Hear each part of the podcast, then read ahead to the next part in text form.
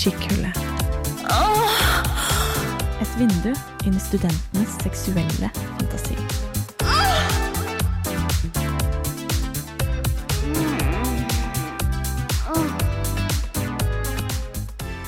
Dette er et Radio Revolt-produkt. Episoden er skrevet av Millennium og produsert av Synne Høyås. Han er lest inn av Hans Ysternes. Nei, nå prater du bare tull! Vi lo og falt inn i heisen.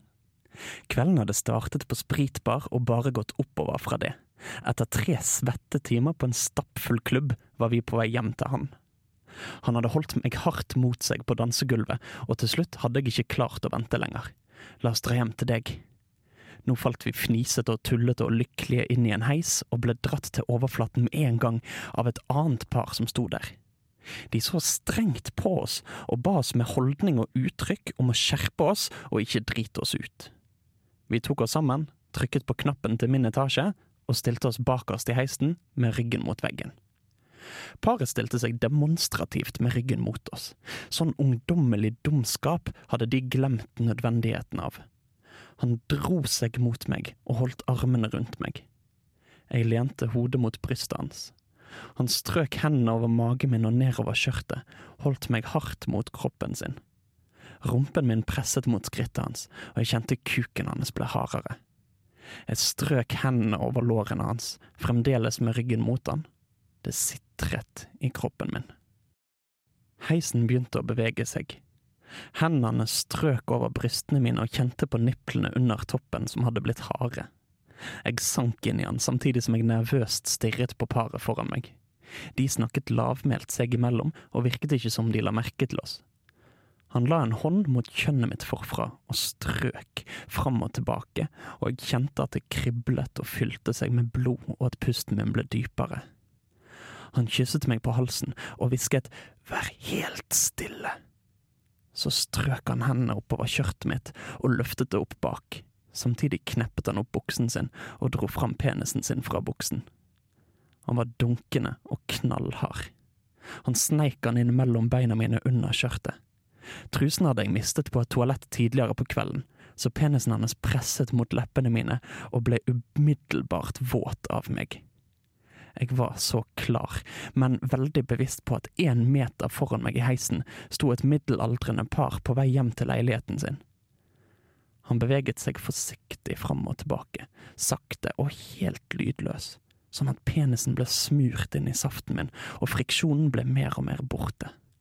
For hver bevegelse kom han borti klitten min, og jeg ble mør i knærne. Han holdt en hånd over skrittet mitt forfra og presset hardt. Den andre hånden strøk han meg over brystet rundt og rundt, nærmere og nærmere nippelen, inntil han kløp meg hardt i nippelen. Jeg var veldig bevisst på de to rett foran meg, og så etter enhver bevegelse som kunne hinte til at de skulle snu seg. Heisen bremset farten og stoppet. Jeg reiste meg opp, og han slapp meg, men penisen hans presset fremdeles mot kjønnet mitt, og jeg kjente blodet pumpe i både meg og han. Paret gikk ut av heisen og nikket i vår retning på veien ut. Alt jeg ønsket var at dørene skulle lukke seg igjen når vi skulle være alene, men jeg kunne ikke røre meg for å trykke på knappen som lukket heisdørene, for da ville penisen hans ha vært på utstilling for hvem som helst. Så jeg sto i ro og krysset fingrene for at ingen skulle være med videre opp. Dørene lukket seg. Idet gangen utenfor ble borte, løftet han meg opp og fram til veggen ved siden av heisdøren. Jeg stilte meg på tå, og han bøyde seg litt ned og førte penisen sin inn i meg, dypt og sakte. Jeg kjente han fylte meg, og jeg satte hendene i veggen og gispet. Han trakk seg sakte helt ut til penishodet hans rørte ved åpningen min, deretter støtet han seg inn i meg igjen, helt inn. Han kysset meg på halsen, og jeg stønnet. Støtene var fremdeles ulidelig sakte, og jeg ville bare at han skulle støte fortere, hardere. Men han holdt igjen, og jeg sa kom igjen, og dro rumpen hans utålmodig mot meg med den ene hånden, og han satte opp farten. For hvert støt sitret kroppen min, og pusten vår ble mer og mer hektisk. Han klemte til rundt nippelen min helt til jeg kjente en ørliten smerte, og så grep han om brystet. Den andre hånden klemte rundt meg. Heisen beveget seg oppover mot vår etasje og gjorde ingen mine til å stoppe på veien. Jeg stønnet høyt nå, og bevegde meg fram og tilbake i takt med han. Jeg kjente klimakset komme og strammet musklene mine og støttet meg til veggen. Følelsen rei meg som en bølge som dundret gjennom meg og overveldet meg. Han holdt meg så jeg ikke falt mellom støtene. Så slapp det for han òg, og han skalv og beveget seg tre ganger dypt og fast inn. Jeg kjente saften hans og frydet meg.